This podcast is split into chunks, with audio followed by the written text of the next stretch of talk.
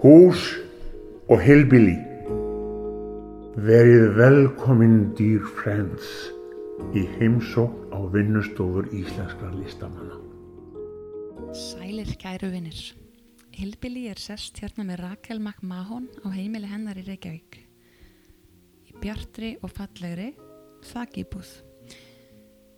Það skýn sól inn um alla glugga, við erum í börnum að leika sér fyrir utan og við erum í fugglum að syngja.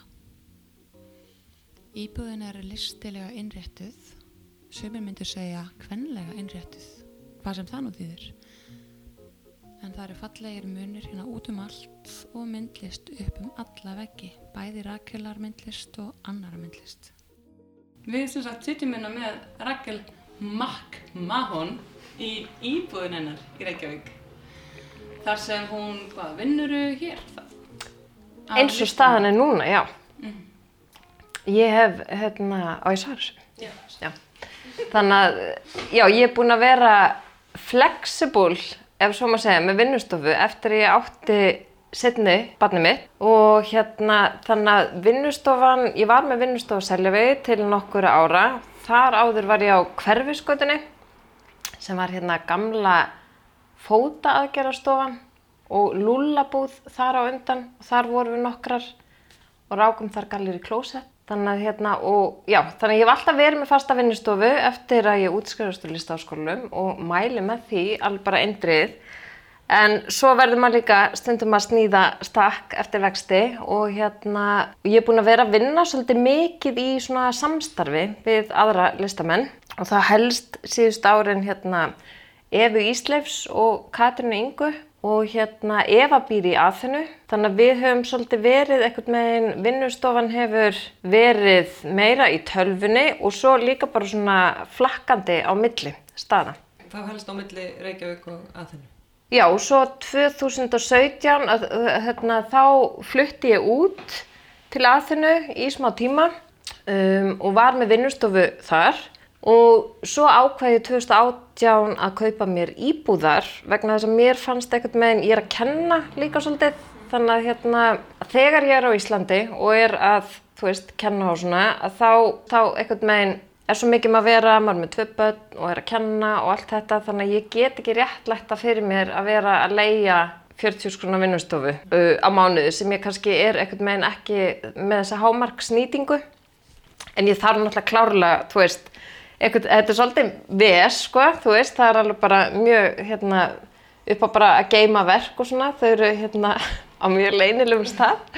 Uh, og líka náttúrulega vesen að vera með verkin sín á tveimur stöðum, það er líka svolítið svona flókið, en hérna, en mér finnst svolítið gott að komast í nýtt umhverfi og vinna. Þegar ég kefti þessa íbúð þá er ég bara, eitthvað meina, nota það sem eitthvað svona afdrepp að kúpla mig út úr Íslandi og fara og þá teki meira bara svona tarnavinnu. Mér finnst þess að þessi svona sjómaður eða eitthvað bara í eitthvað svona vertíð, þú veist. Þannig að til dæmis eins og núna þá er ég búin að vera að kenna alveg bara af mér raskatið upp í fjölbrytarskólum í Ármúla, Ármúla og það er mjög skemmtlegt. En svo fær maður þarna gat í sumar og þá tekið svona vertíð í listinni úti. Þegar það er sumafrí í skólunum? Já. Já. Þannig að þú fer bara hverju sumri til Aþennu síðust? Um, þetta hefur eiginlega verið, eh, sko síðast ár þá fekk ég starfslaun, list, listamannalaun og þá fór ég bara alveg út. Þannig að hérna, og var bara, þú veist, svo auðvelt að að leigja sér pláss þar, þá var ég með hérna silkitrykk. Þá var ég að vinna í því og var með vinnustofu í Adas sem hérna Eva rekur. Þetta er eitthvað svona, svolítið púsl. Þú veist, ég sé samt alveg hillingum eitthvað tíman að vera með bara eitthvað svona óksla stabíl sem allt á sinn stað og allt þetta en eins og staðan er núna þá hefur þetta verið svolítið svona eitthvað með, já. Af hverju Aþennu? Út af Efu? Já, sko, við, já, akkurat, við hérna vor, erum að búin að vinna svolítið mikið saman og alveg 50% af minni vinnu er alveg í þessu samstarfi, ef ekki meira, sko. Tekur svolítið með á bara verkefnum og við vorum, hérna, fórum út 2017 að vinna verkefni saman uh, í þessu samstarfi, uh, ég, Kata og Eva og ég var bara eitthvað geðveikt hrifin af borginni og vann ótrúlega vel hérna og bara fílaði þetta mjög vel og ákvað í kjölfarið að flytja út í bara smá tíma til að testa þetta og hérna flutti út þá með litlu stelpinu mína sem var eins og háls og uh, eldri stelpan var hjá pappa sinu út af hún var nýbyrjuð í skóla. Og þetta var bara eitthvað svona pröfu, svona, við vorum bara svona að testa þetta og það gekk það vel að, að árið síðar þá ákvað ég og samkennar að fara út með hóp uh, í listum á menningu, fara með hann út til aðþunni þannig að maður alltaf að veginn svona reyna að sækja í borgina eða fara út, þú veist, hvað sem það er svona í samstarfi eða þú veist, eitthvað workshop eða eitthvað svolítið. Hvernig er listasennan í aðinu? Er þetta, þú veist, það er svo mikið, það maður heyrir frá Greiklandi í fréttum er náttúrulega... Já, bara hræðilegt. Já, það finnst það myndum Einmitt. myndist og svoleiðis. Akkurat. Sko fyrst þegar ég fór út, út að ég hafi aldrei komið til Greiklands fyrir hann að 2017 og ég var alveg með Evu í símanum eitthvað á ég að taka með mér, þóra að taka með mér hérna makkan minn? Og hún eitthvað mm, skildan bara eftir heima, þú veist og svo bara, uh, þú veist, mánuðu síðan var ég flutt út með eitthvað, þú veist, ungbarn eitthvað. Þannig að þetta er, þú veist, þetta er svolítið bara svona bæði og. Veginn maður sér, þú getur mjög auðveldlega slefti að sjá það sem er í gangi ef að þú býrð á þannig stað kannski. En þetta er mjög sýnilegt svona í miðborginni og alveg í þessum hérna hverfum sem eru, hverfi sem er mjög nálagt hverfuna þar sem ég bý, uh, er flótta, eru flóttamenn mjög sínilegir og áberandi, þú veist, áberandi mikil neyð. Þetta er svolítið skrítið, einmitt, þetta er svona, og svo er náttúrulega ótrúlega mikil túrismi líka. Þú veist, það sem er bara fólk að fara á eigjar og svo eru aðrar eigjar sem eru bara eitthvað svona risavaksnar, uh, hræðilegar flóttamannabúður, þannig að þetta er svolítið skrítið. Uh, en hérna listasennan er þannig út af því að núna er náttúrulega evran kannski ekki alveg okkur í hag en það er rosalega svona alþjóðlegt, það eru ótrúlega margir sem eru svona tiltöla ný fluttir og bara einhvern veginn allstaðar að þannig að hún er mjög svona mikil gróska og aðfennsku listamennir þeir eru mjög ánægði með þetta því að maður heldur alltaf að í svona stórborg sé svo allt miklu opnara eða svona meira eitthvað megin en þetta er bara svolítið, þú veist, eins og Íslandi, bara kannski aðeins stærra. Þannig að hérna, og ég held allavega að okkur, mér þætti það persónulega ótrúlega gaman ef að, ef að Ísland er því svona alþjóðlegur einhvern veginn suðupottur, þú veist, það myndi gera mikið, fullt af svona rýmum og vinnustofum og alls konar listamenn allstaðar að þannig að hérna, það er alltaf eitthvað að gerast, eiginlega svona of mikið, maður það kannski svona reyna að ákveða bara hvað maður ætlar að sjá kannski einu sinni viku að fara eitthvað tvisar en það er, já, það er rosa mikið um að vera Svo áhugavert alltaf eins og listasennan í öllum borgum, Mhm. stórum og litlum, er listasennan samt alltaf svona jafn kannski lítil eða eitthvað, skilur ég? algjörlega þetta er, þetta er svolítið þannig þarna. Íslandi Já. er svona ekstrím svolítið kannski að vera náinu eða eitthvað, ég veit það ekki. sko mér kom uh, rosalega mikið á óvart hvað eiginlega bara, þú veist, þetta er ekki svo fjölmenn borg þannig að þú veist, og listasennan er mitt já, þetta er bara svolítið bubla þannig, eða ekki bubla veist, en Bobble. hérna babu, Sápukúla. þetta er sápukúla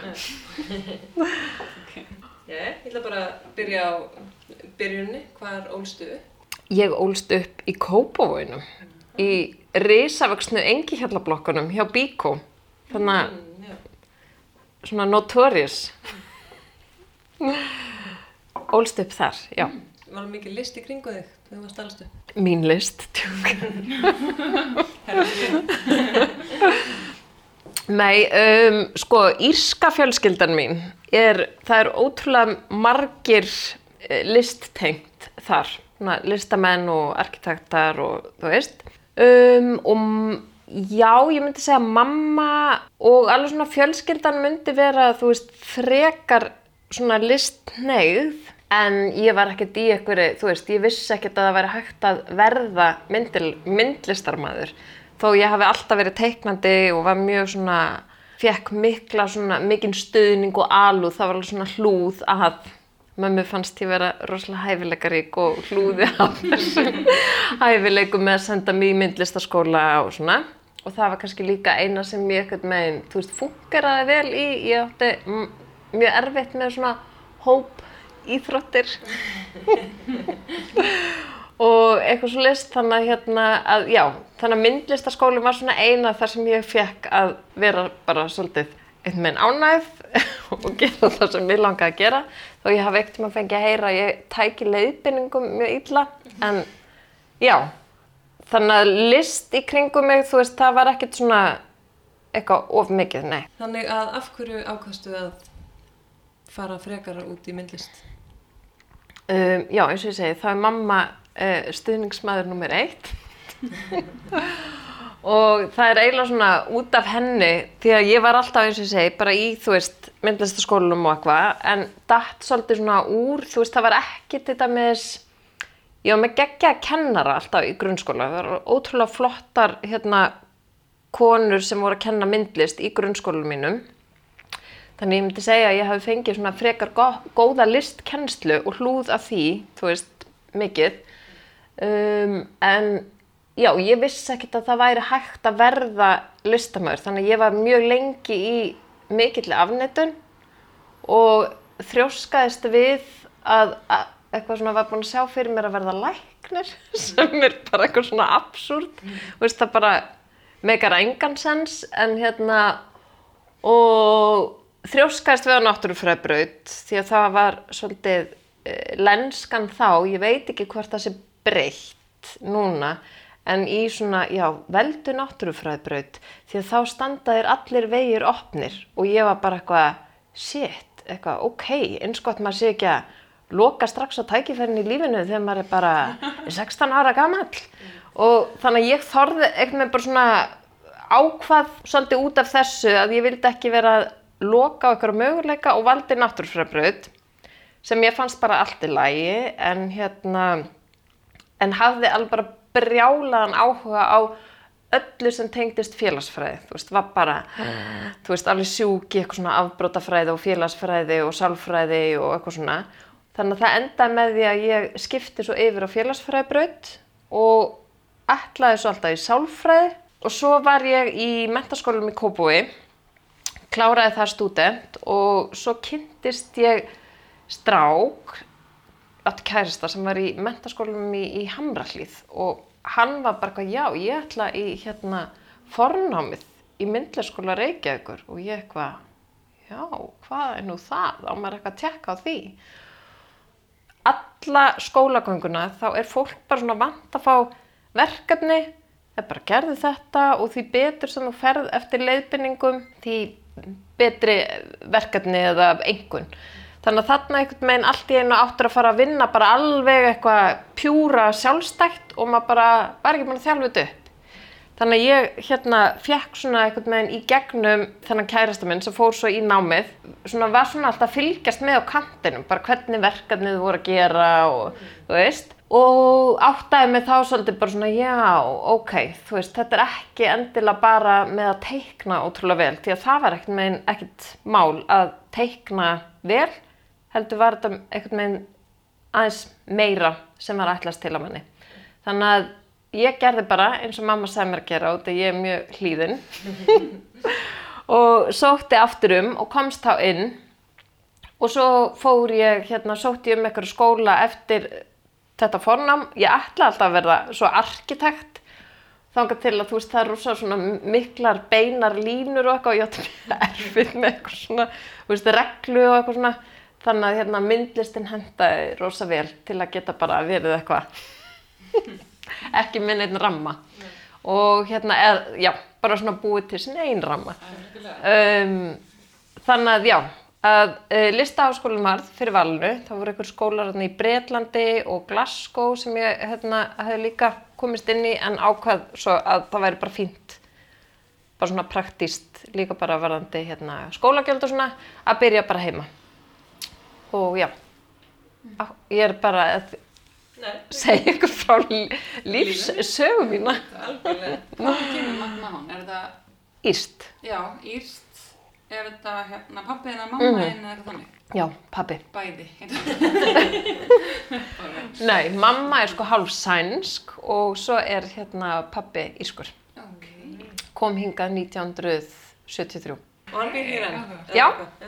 Eru þau saman? Nei, þau eru skilin. Ég er skilnaða barn. Eitthvað bara út í það.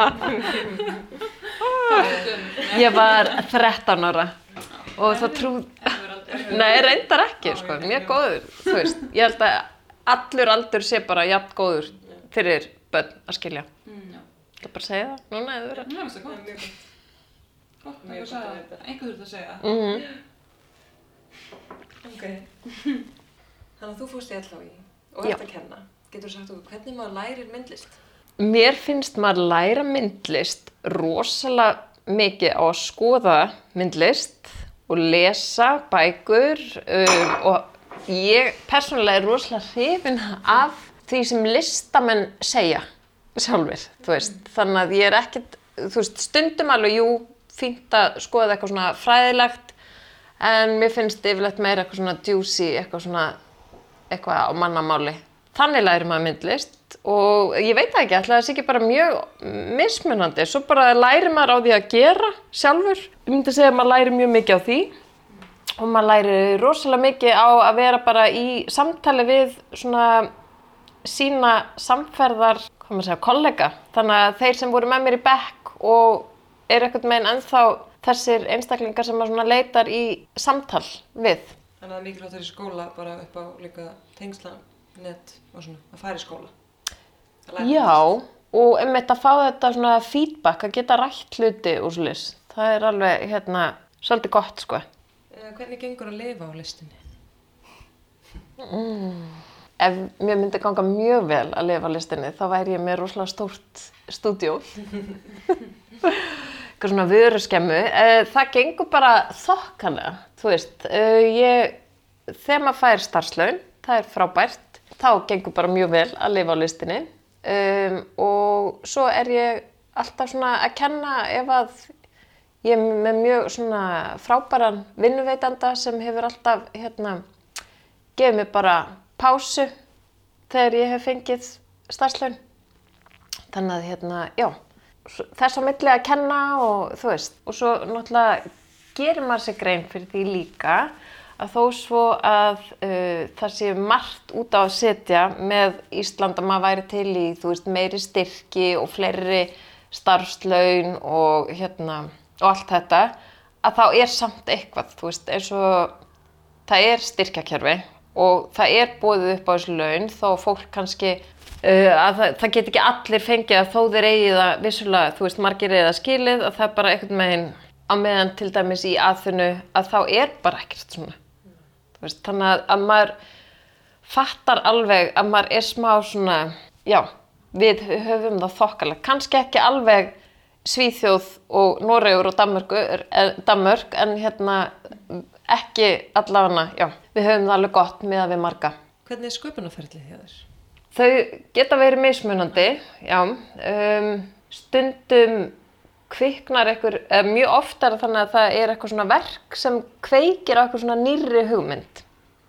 Veist, þannig að ef maður er að vinna eitthvað verk, að þá er maður komin á eitthvað svona flug og svo bara, þú veist, þarf maður svolítið svona að reyna samt að halda eitthvað svona fókus á verkinu og þá eru kannski eitthvað svona skemmtlar hugmyndir sem kvikna í kringum það og maður er eitthvað, ah, ok, þú veist, við getum tekka á þessu setna.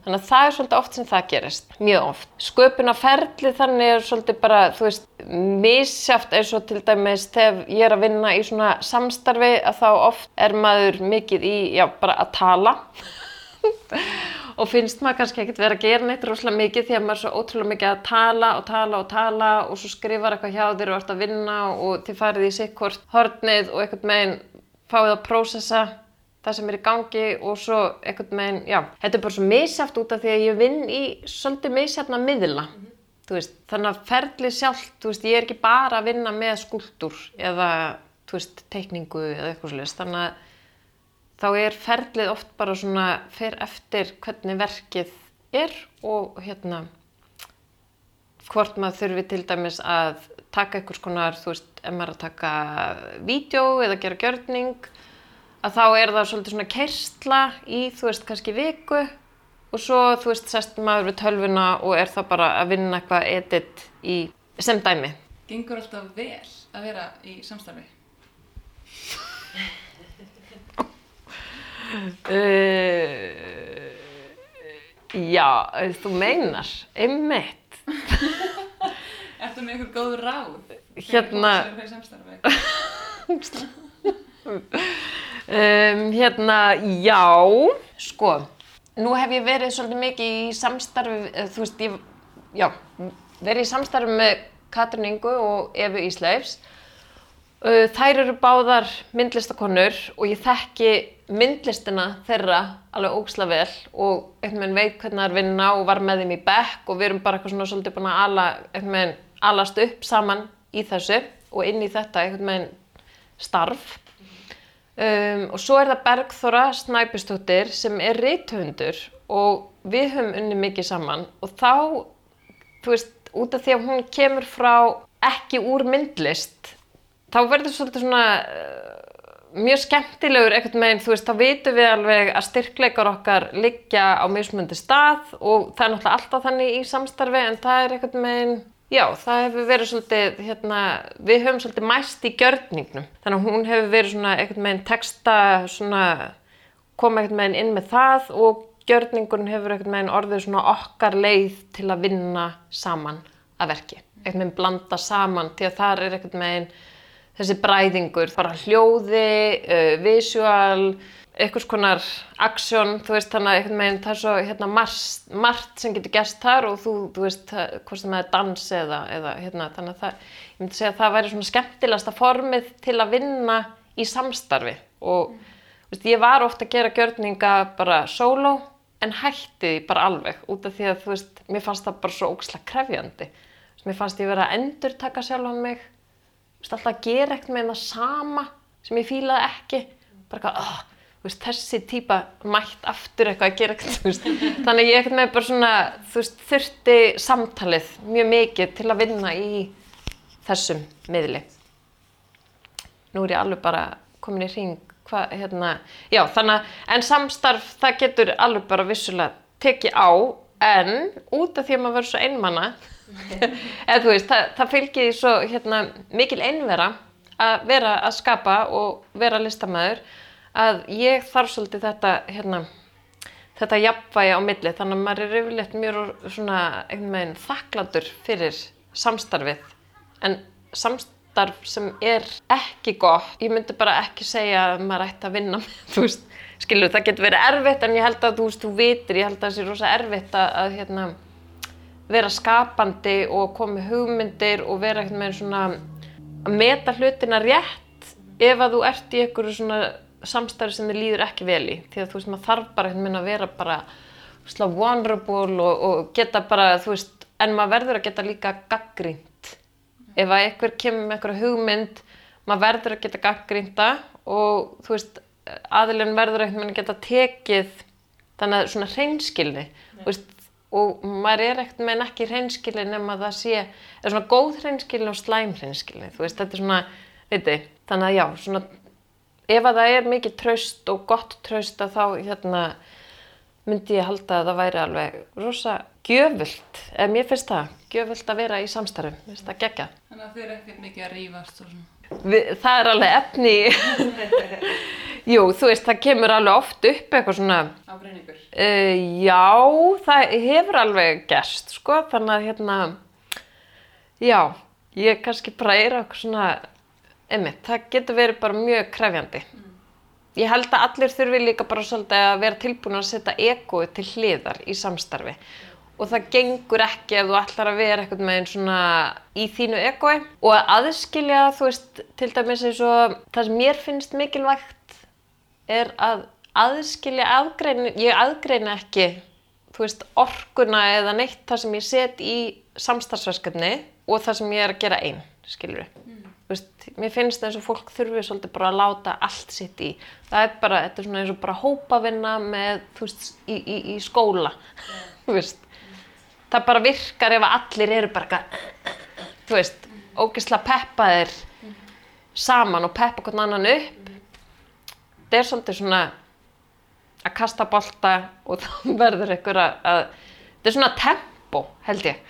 Oft getur verið kannski erfitt ef að, að tempóið er mismundi hjá einstaklingum. þá er gott að búa til eitthvað svona nafn eins og hérna, þau hafi gert eða ekki, þú og þínir svona hópar Uh, búa til svona nafn sem kannski verkinu er þá gerð Jú, í nafni. svo hef ég eitthvað að vera að efast um það líka, sko, Já. þú veist, núna.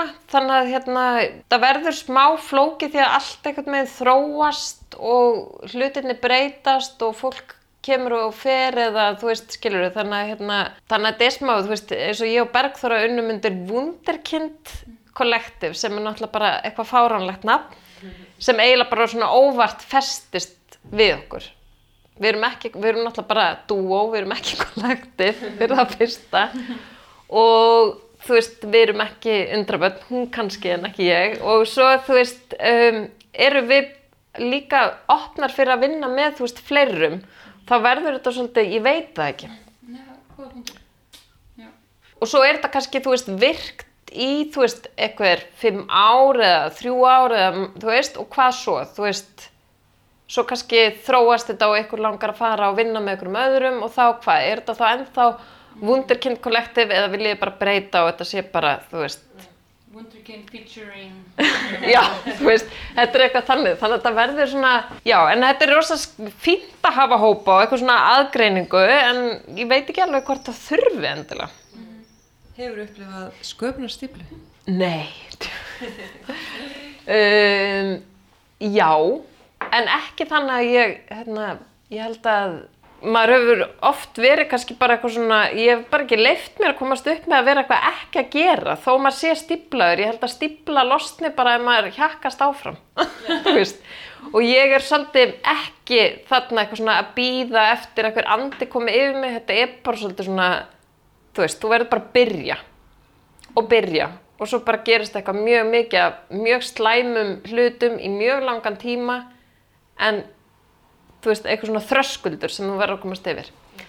Þannig að ég ger mjög mikið af ógislega hræðilegu dóti sem enginn fær að sjá sem er bara veginn partur af mínum taldum vinnuferli, þú veist að gera fullt af einhverju drastli sem enginn fær að sjá en er samt mjög mikilvægur partur í að verkið í, í þessari niðurstöðu sem verður. Þannig að mín stípla er kannski bara að gera fullt af einhverju ógeði. allavega stiflu leysirinn. Já, Þannig leysir. Stiflu. Uh, hvernig er típiskur dagur í lífið þínu? það fyrir svo eftir þessa dagana. Um, núna er ég búin að vera að kenna, sletta. Og svo er ég búin að vera, já, á ég byrja bara frá mótnu, bara frá því ég vakna. Ertu með einhverjum morgun rútínu? Hvar sem þú Svo erfitt að segja. Um, ég á mér mörg líf. Já.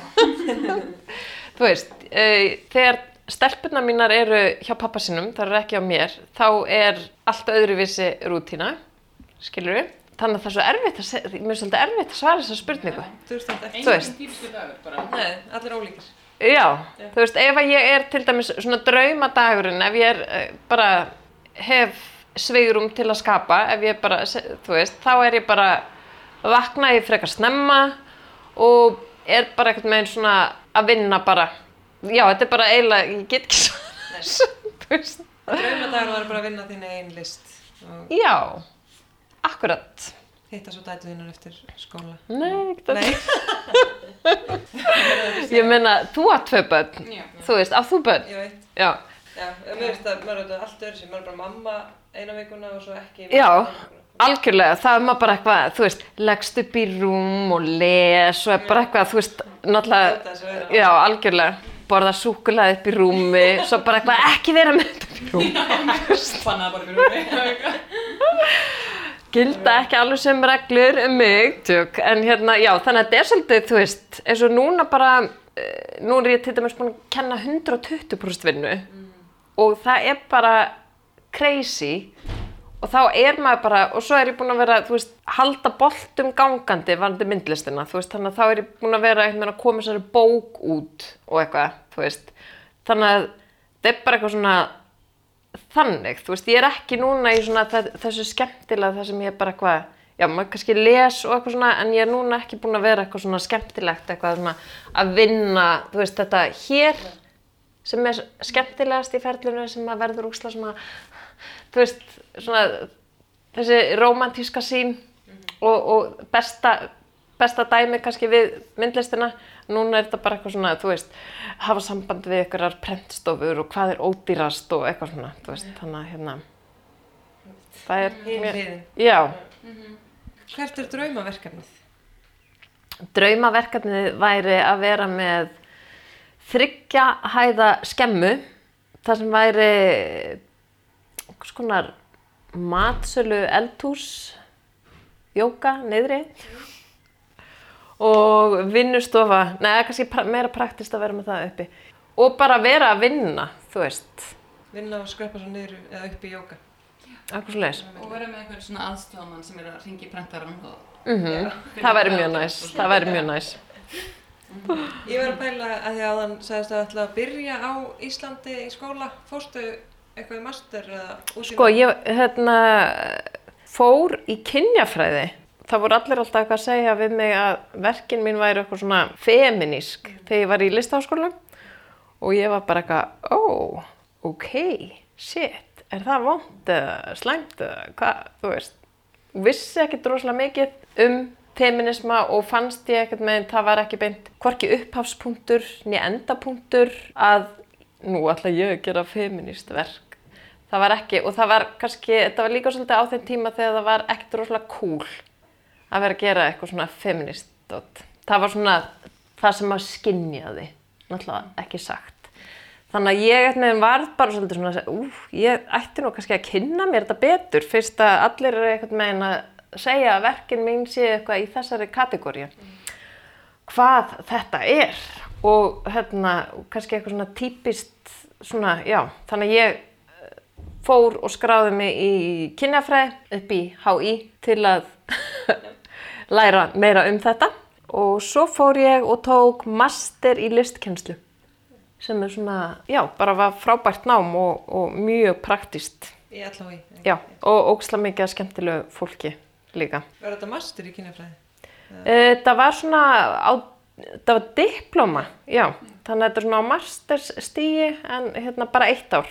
Námið hétt uh, hagnýt jafnréttisfræði, þannig að það komu aðrar jöfnur inn í þetta heldur um bara kyn, þannig að þetta var svolítið svona, já, opið. Gaman fyrir félagsfræði nörduð líka. Algjörlega, og ég er að kenna núna kynjafræði upp í FH, þannig að já, þetta er bara geggjað. Og svo er bara líka mikil tenging á milli. Það var mjög skemmtilegt að að taka fyrir hérna þegar Sæðlabanka málverkið var mikið til umræði fjölmiðlum. Þú veist að þá einhvern veginn grípa það umræði og já, þannig að þetta er náttúrulega alveg beintengt. Hefur við verið að taka eitthvað svona Instagram rassamyndir? Nei, Nei. Nei, ekki þú sjálf. Nei, ekki það. Nei, í náminu. Eitthvað svona pæla í Unglingar.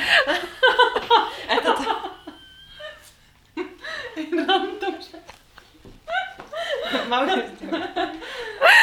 Random. ég er sann, mér langa ógustlega að gera verkækti mann með þetta, að sapna saman svona pósum. Þú veist, það, það eru svona signature pósur. Þannig að við tökum þetta fyrir í, við tökum samfélagsmiðla. Já, mín. akkur. og hérna, já, já, já, alveg, þú veist, Einmitt, það er eitthvað beint inn í svona kannski mentaskóla að hérna á samfélagsmiðlum kemur oft svona skandallur þegar eitthvað málverk af bergljósta já, já, já, sem er bannað eða eitthvað Já. þannig en síðan er þú veist uh, myndin hliðin á er bara einhver hérna úlingsstúlka kannski Já, brústandranum. Mm. já eða bara sérst svolítið mikið. Já, er svolítið, svolítið bannað. Ég held- já, þetta er, þetta er orðið svo eitthvað svona brenglað, rosa brenglað viðhorf. Tónlistamindbönd og tíska og Instagram, allir sér hérna, hvað heitir það, er eitthvað nafn yfir þetta? influencer Já, influencer, Já, já, já. Já, akkurat.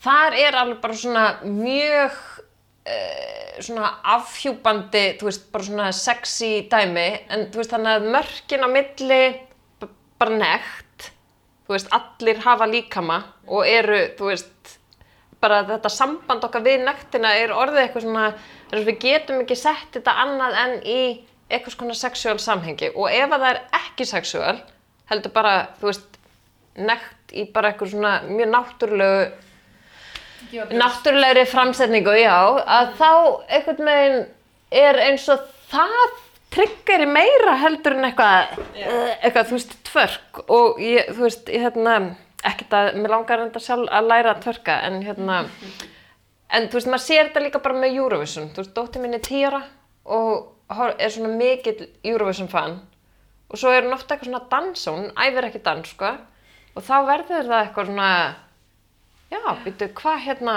akkur er hún uh, búin að bretta bólinn upp þannig að þetta er magabólur og hvað, hérna, og þetta er bara, þú veist, í Eurovision, skilur við. Það sem koma kannski dansinn er eitthvað þú ert í kjól og svo koma fimm karlmenn og rífa þig úr kjólnum og þá ertu í eitthvað svona latexbygginni, þú veist. Við vildum, við vorum formyndast um hvað, hvaða lag þú myndir Já. líta á sem þemalag lífsins. Akkurat, eins og við vorum að tala um típiska daginn, þá er ekkert eitt þemalag eins og það er ekki einn típiskur dagur. Þannig að ég er búin að spá svolítið í þessu.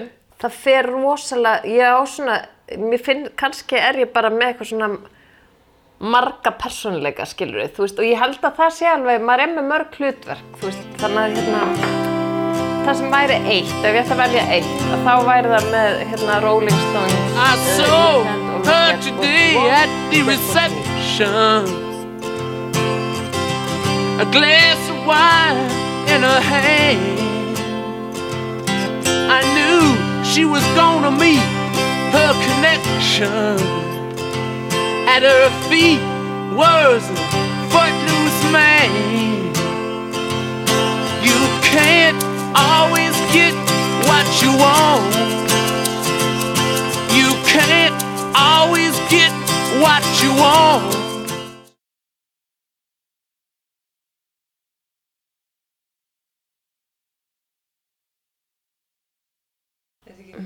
Always get what you want, but if you try sometimes. Og mér finnst þetta meira svona vera bara einhvern veginn svona mantra sem ég fyrir bara, þú veist, sem ég þarf bara alltaf að fara með. Að þetta er bara svolítið lífið. Já. Er það bara ein spurning eftir? Hvað hefur myndlistin þín kent þér? Hvað hefur hún kent mér? Hún hefur kent mér ímislegt. Það er náttúrulega rosalega, sko, hérna, egocentrist og einhvern veginn svona að segja, en hún hefur kannski kent mér mikið bara um sjálfan mig. Hvernig maður fungerar í bara alls konar aðstæðu. Þannig að ég myndi segja að hún hefur kent mér það. En hún, já, ég myndi segja kannski að myndlistin myndi kenna manni svolítið að sjá og greina og kannski, já, sjá meira og þá er ég að tala um svona always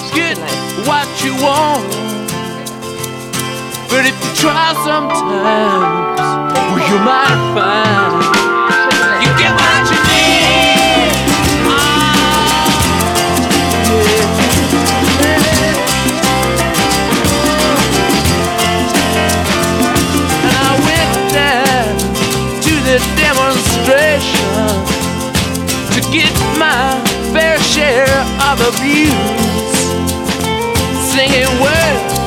vent our frustration. If we don't, we're gonna blow a 50 amp fuse. Sing it to me. You can't always get what you want. You can't always get what you want.